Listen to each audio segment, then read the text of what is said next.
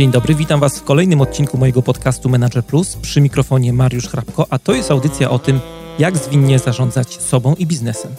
Jeżeli chcecie, żeby coś zmieniło się w Waszym życiu i czujecie potrzebę ciągłego szlifowania swoich umiejętności, zapraszam do słuchania moich audycji.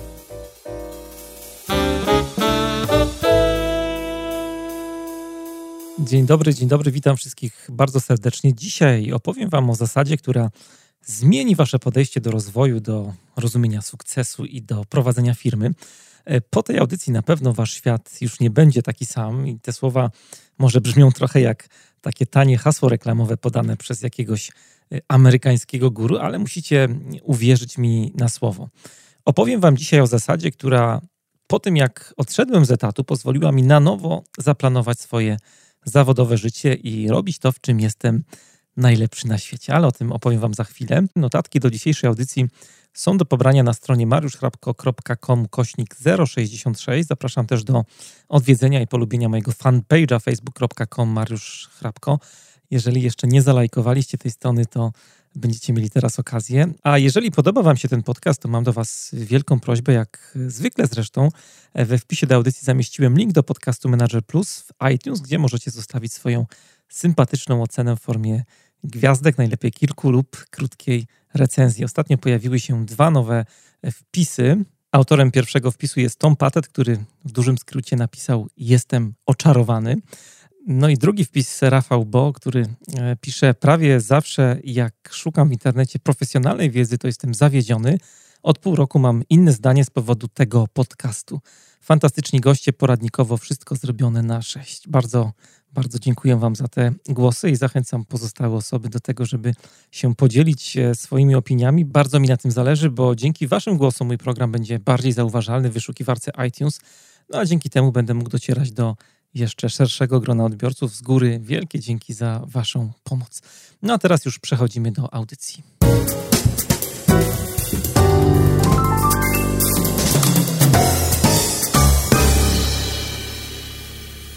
Tak jak mówiłem, powiem Wam dzisiaj o zasadzie jeża, zasadzie, która wystrzeliła w kosmos moje osobiste i zawodowe życie. Może zacznijmy od takich podstawowych rzeczy. Skąd w ogóle wzięła się nazwa tej zasady? No był taki esej Isaiah Berlina, Isaiah, bo jest to nazwisko żydowskie, możemy również po polsku mówić Izajasza Berlina. To był filozof, który zajmował się bardzo ciekawymi rzeczami. No i on napisał esej pod tytułem Jeż i Lis. No i ten pan Berlin podzielił w tym eseju ludzi na dwie grupy, jak się domyślacie.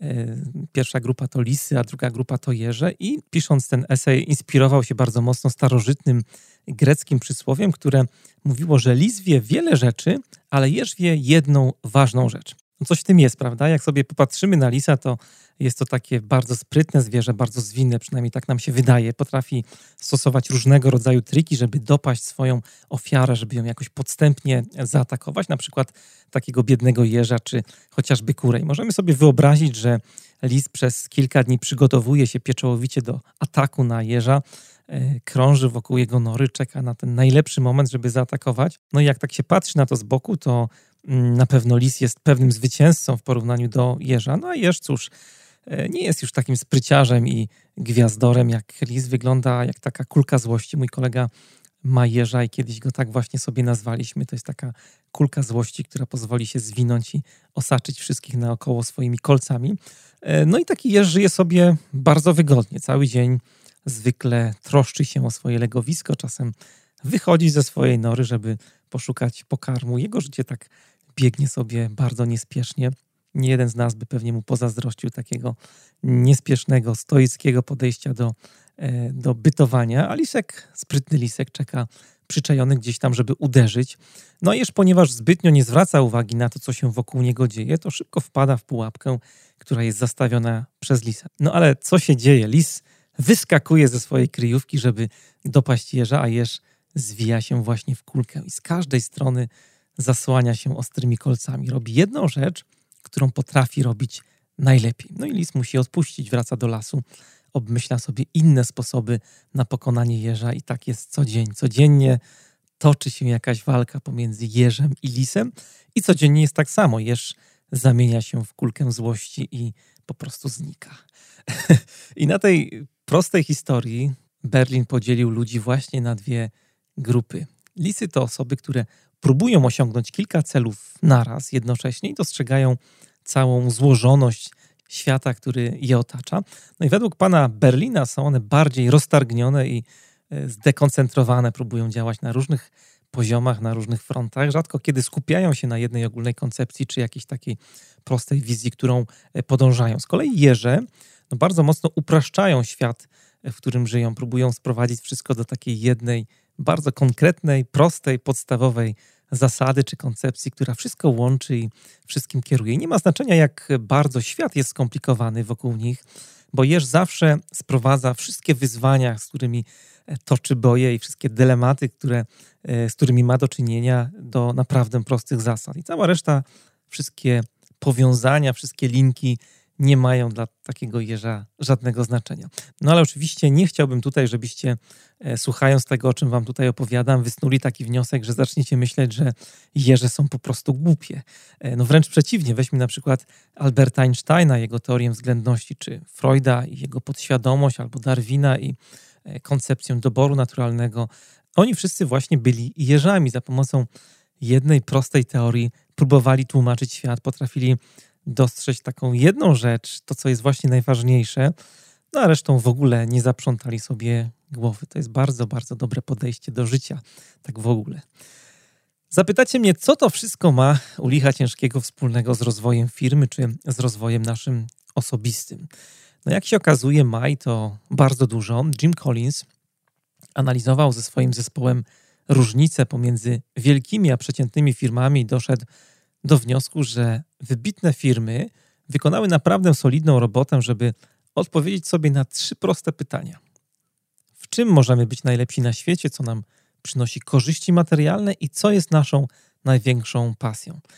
Znając y, czy mając odpowiedzi na te trzy pytania, te firmy całą swoją działalność, całą swoją strategię oparły właśnie na części wspólnej tych trzech jakby kręgów. I w ten sposób powstała właśnie zasada jeża. Ta zasada jest bardzo uniwersalna, możecie ją odnieść e, czy wykorzystać w prowadzeniu firmy, w rozwoju własnego biznesu, ale również też do planowania swojego osobistego rozwoju, o czym się za chwilę przekonacie. Tak jak wspomniałem wcześniej, tę zasadę tworzą trzy pytania. To jest oś tej zasady. Chciałbym je przez chwilę tutaj z Wami wspólnie rozwałkować. Pierwsze pytanie: w czym możesz być najlepszy na świecie? Zastanówcie się przez chwilę, w czym możecie być faktycznie najlepsi na świecie. Pamiętajcie, że to, w czym możecie być najlepsi na świecie, wcale nie musi pokrywać się z tym, co aktualnie robicie. Ktoś na przykład jest e, świetnym programistą, ale nigdy nie myślał o tym, że mógłby być liderem, który będzie najlepszym liderem na świecie. Ktoś na przykład jest analitykiem biznesowym, ale nigdy nie pomyślał o tym, że, że mógłby być najlepszy na świecie w robieniu na przykład kursów online. Także to, że osiągacie w czymś jakieś niezłe wyniki, wcale nie oznacza, że musicie być w tym najlepsi. Pamiętam taką historię ze swojego życia. Od drugiej klasy szkoły podstawowej uczyłem się bardzo intensywnie grać na fortepianie. Miałem bardzo dobre wyniki. Wydawało mi się, że jestem właśnie najlepszy na świecie w tym, co robię i że na pewno kiedyś zrobię karierę jako pianista. Mówię to całkiem serio, tak właśnie sobie myślałem. No ale szybko okazało się, że tak nie jest. Podczas jednego z koncertów, które były organizowane regularnie w naszej szkole, usłyszałem e, grę chłopaka, notabene mojego rówieśnika, mieliśmy wtedy może po 16 lat i zagrał on jeden z nokturnów Chopina. Pamiętam, że ten nokturn był cholernie trudny, bardzo e, skomplikowane pasaże, gra oktawami. No, dla mnie to był duży wyczyn wtedy i jakoś tak po tym koncercie mocno dotarło do mnie, choć z dużym bólem, nie ukrywam, że nigdy nie będę grał tak jak ten chłopak, że nigdy nie będę jednym z najlepszych pianistów na świecie. No i to wcale nie oznacza, że skończyłem z graniem, wręcz przeciwnie, robię to do dzisiaj, chociaż odszedłem mocno od klasyki w stronę jazzu, to cały czas y, granie towarzyszy mi w moim życiu, ale tamto doświadczenie jakoś tak bardzo mocno zapadło mi w pamięć i rezonuje do dzisiaj. Uświadomiłem sobie, że pianistą no nigdy nie będę takim z prawdziwego zdarzenia. I to doświadczenie było tak mocne, że nawet rozmawiałem później z panią profesor, która mnie e, prowadziła i jakoś to jeszcze bardziej utwierdziło mnie, że to nie jest moja życiowa droga. Po prostu są ludzie, którzy mają to coś, mają ten naturalny talent od Boga. Ja miałem talent do muzyki, ale nie do bycia zawodowym pianistą klasycznym. E, w formułowaniu własnej zasady jeża bardzo ważne jest to, żebyście sobie jasno określili, w czym nie macie szans. To jest bardzo ważne. W czym nie będziecie najlepsi na świecie, choćby nie wiem co. Tak jak e, ja to zrobiłem wtedy na koncercie. Nigdy nie będę zawodowym pianistą. Zostawiłem ten temat no i zacząłem szukać innej drogi. Czasem jest też tak, że rodzice nas naciskają, że rodzice naciskają swoje dzieci. Przecież jesteś taki dobry z biologii, no powinieneś iść na medycynę albo, albo super ci idzie z matematyką, może powinieneś pracować na uczelni. Czasem też jest tak, że już jako dorosłe osoby ulegamy różnego rodzaju naciskom, presją, na przykład ze strony znajomych czy ze strony szefa, którzy pokazują nam wręcz, nakreślają naszą drogę rozwoju. I znam wiele osób, które rozpoczęły swoją karierę właśnie pod wpływem innych osób, ale jakoś zawsze były niezadowolone z tego, co robią, zawsze czegoś im e, w życiu brakowało. Może być więc tak, że teraz, kiedy słuchacie tego podcastu, wcale nie zajmujecie się tym, w czym możecie okazać się naprawdę dobrzy i bezkonkurencyjni. Bardzo bym się cieszył, gdyby dopadła Was właśnie taka refleksja, tak jak mnie wtedy na tym koncercie. Pytanie numer dwa. Co przynosi korzyści materialne? To pytanie jest bardzo ważne. Nie wystarczy, że będziecie w czymś najlepsi na świecie. Musicie znaleźć w swojej pracy to coś, taki czynnik, który będzie generował Wam odpowiedni przypływ gotówki. Gotówka jest wbrew pozorom bardzo ważna w naszym życiu. Ktoś może zapytać, czy faktycznie to powinien być ten jeden czynnik, czy to powinien być ten jeden taki wskaźnik ekonomiczny. Absolutnie tak. Zobaczycie, że jak zaczniecie się zastanawiać nad określeniem kilku takich czynników, które mogą spowodować, że zaczniecie dobrze zarabiać, to stracicie taką szerszą perspektywę, zagłębicie się w różnego rodzaju dywagacje, e, śledzenie różnego rodzaju zależności i czynników wpływu, tak naprawdę e, odejdzie gdzieś tam na bok cała istota rzeczy. Jak się myśli o kilku takich wskaźnikach, czterech, pięciu naraz, to łatwo się można pogubić. E, tutaj chodzi w zasadzie Jerza o znalezienie tego jednego elementu, tego kluczowego elementu, który jest motorem ekonomicznym waszego życia, czy będzie motorem ekonomicznym waszego życia lub biznesu. Pytanie numer trzy. Co jest Twoją największą pasją? Przy tym pytaniu chciałbym zwrócić Waszą uwagę na jedną rzecz. Pamiętajcie, że pasji nie da się wymyślić. Nie da się usiąść z kawą na balkonie i przy porannym słońcu zacząć sobie kombinować. Aha, to jest moja pasja. Nie możecie wymyślić swojej pasji, trzeba ją po prostu znaleźć. A to szukanie, to wymyślanie polega na próbowaniu. U mnie było tak, że zawsze robiłem różne rzeczy w życiu. Weźmy chociażby ten podcast. Jak zaczynałem go nagrywać, to wcale nie wiedziałem, nawet mi się nie śniło, że będę miał prawie 250 tysięcy odsłuchań, bo tyle nam ostatnio pobrań stuknęło. I cały czas próbowałem nagrywać kolejne odcinki. Teraz z kolei wszedłem e, w zupełnie nowy temat, podcast na Sofię, o którym Wam ostatnio opowiadałem, który nijak się ma do tego, co aktualnie robię. To jest podcast, który jest podcastem muzycznym i nie mówię tam w ogóle o zarządzaniu. I wymyślanie swojej zasady jeża to jest taki właśnie cały czas ruch, to jest takie ciągłe poszukiwanie, taki niepokój twórczy, można powiedzieć. Nie możecie stworzyć pomysłu na siebie w jeden wieczór. Podobnie jest w biznesie. Organizacja jest jak taki żywy organizm, organizm, który trochę jak dziecko odkrywa swój cel w życiu. To jest taki ciągły proces i to jest właśnie bardzo fajne. Współczesne organizacje coraz częściej używają metafory tego żywego organizmu względem maszyny. W tradycyjnych organizacjach bardzo często myślało się o tym, że je się da zaprojektować. Teraz mówimy o organizacji jako takim e, organizmie, który po prostu żyje swoim życiem i odkrywa dzień po dniu swój cel, po co została ta organizacja stworzona. Firmy, które analizował Jim Collins ze swoim zespołem, e, wcale nie mówiły: OK, bądźmy e, pasjonatami tego, co robimy, podchodziły do tego w zupełnie inny sposób. Powinniśmy robić tylko to, co nas pasjonuje. Mamy trzy pytania, które stanowią trzon zasady jeża. Teraz najważniejsze jest, żeby znaleźć część wspólną. Pomyślcie sobie o tych pytaniach jako takich trzech kręgach, kręgach, które się przecinają i tworzą właśnie część wspólną. Ta część wspólna to jest prosta koncepcja, którą możecie wykorzystać do tego, żeby kierować swoim życiem właśnie lub firmą. I w dzisiejszej audycji chciałbym Was bardzo mocno zachęcić do tego, żebyście wypracowali taką swoją zasadę jeża. Jeżeli oczywiście jej nie macie, załóżmy, że moglibyście wykonywać pracę, która będzie wypadkową odpowiedzi na te trzy pytania, o których wcześniej mówiliśmy. Po pierwsze, będzie to coś, do czego jesteście wprost stworzeni. Macie talent, czujecie, że właśnie po to przyszliście na ten piękny świat. Po drugie, ktoś wam dobrze płaci za to, co robicie. Pamiętam kiedyś mm, słuchałem wywiadu z Marcinem Kydryńskim, który prowadzi Siestę, taką popołudniowo-niedzielną audycję E, bardzo niespieszną, powolną w trójce i w pewnym momencie e, dziennikarka zapytała go o jego pracę. Marcin trochę oburzył się na to pytanie, bo próbował ją poprawić, że to tak naprawdę nie jest praca. Po prostu przychodzi do studia, puszcza muzykę, robi to, co lubi robić i dostaje jeszcze za to pieniądze. I na tym to właśnie polega. Na pierwszy rzut oka e, może to wam się wydawać dziwne, że ktoś wam płaci za robienie czegoś, co tak naprawdę uwielbiacie robić.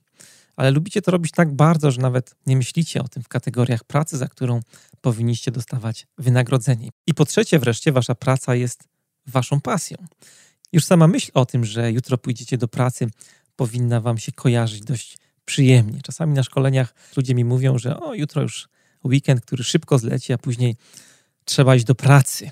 Tej pracy właśnie. Wzdychają bardzo mocno, że już poniedziałek praktycznie za dwa dni ich czeka. Jeżeli e, myśl o pójściu do pracy generuje u was stres, a nie motyle w brzuchu, to prawdopodobnie nie jest to praca, która jest waszą pasją, nie jest to praca waszych marzeń i nie powinna być częścią tak naprawdę waszego życia, waszej zasady jeża.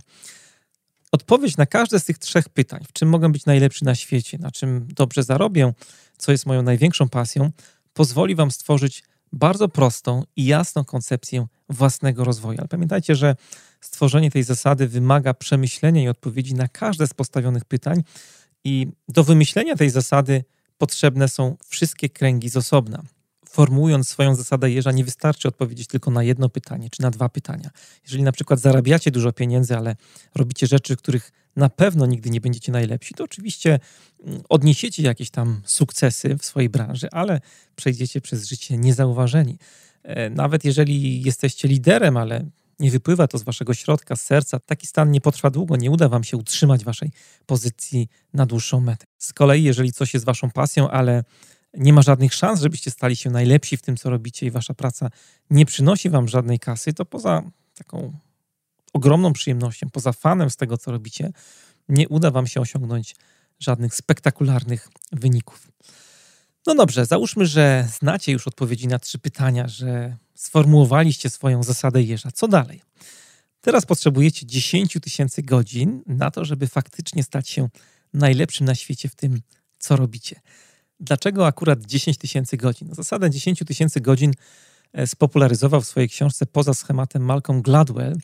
To jest zasada, która dotyczy pewnego badania, które zostało przeprowadzone jeszcze w latach 90. przez psychologa Andersa Eriksona, który to badanie przeprowadził wraz z dwoma kolegami z elitarnej Berlińskiej Akademii Muzycznej. Badanie pokazało, że absolwenci Akademii Muzycznej, którzy zostają później światowej klasy solistami, koncertmistrzami, to wcale nie są osoby, które miały najwyższy talent, e, kiedy przyjmowano je do szkoły, tylko to są osoby, które najwięcej ćwiczą w życiu. Na YouTube jest taki bardzo fajny, krótki filmik, który Wam podlinkuję w materiałach do tej audycji.